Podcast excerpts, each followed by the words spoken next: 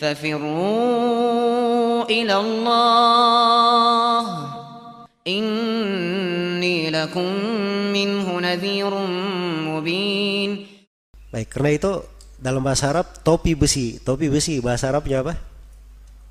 Migfar. Ya. Dalam hadis dikatakan dakhala Nabi sallallahu alaihi wasallam Makkah wa ala ra'sihi migfar.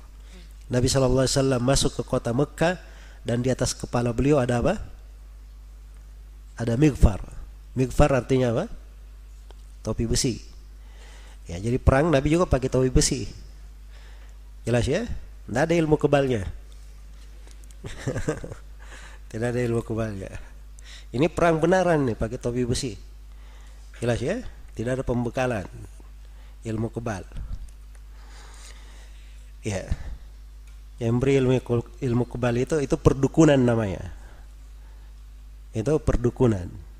Ya kalau ada mengatakan simbol keislaman itu biasa di kalangan orang-orang sufi dari masa dahulu itu menggabungkan antara persufian dan perdukunan. Jelas ya? Nah itu dulu di masa Syekhul Islam Ibn Taimiyah ada tariqah namanya tariqah rifaiyah.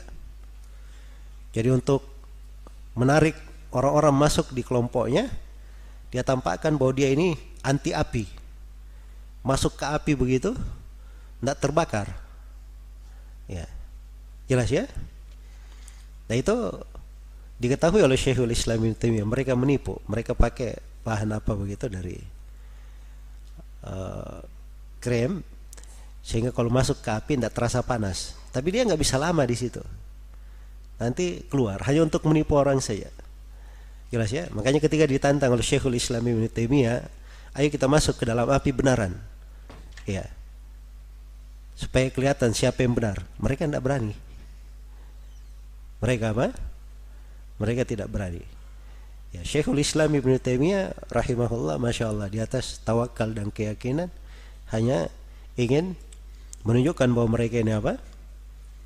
Pendusta. Baik, jadi itu ada ya dari histori orang-orang yang seperti itu ada di masa dahulu. Karena itu seorang tidak tertipu ya dengan hal-hal yang seperti itu.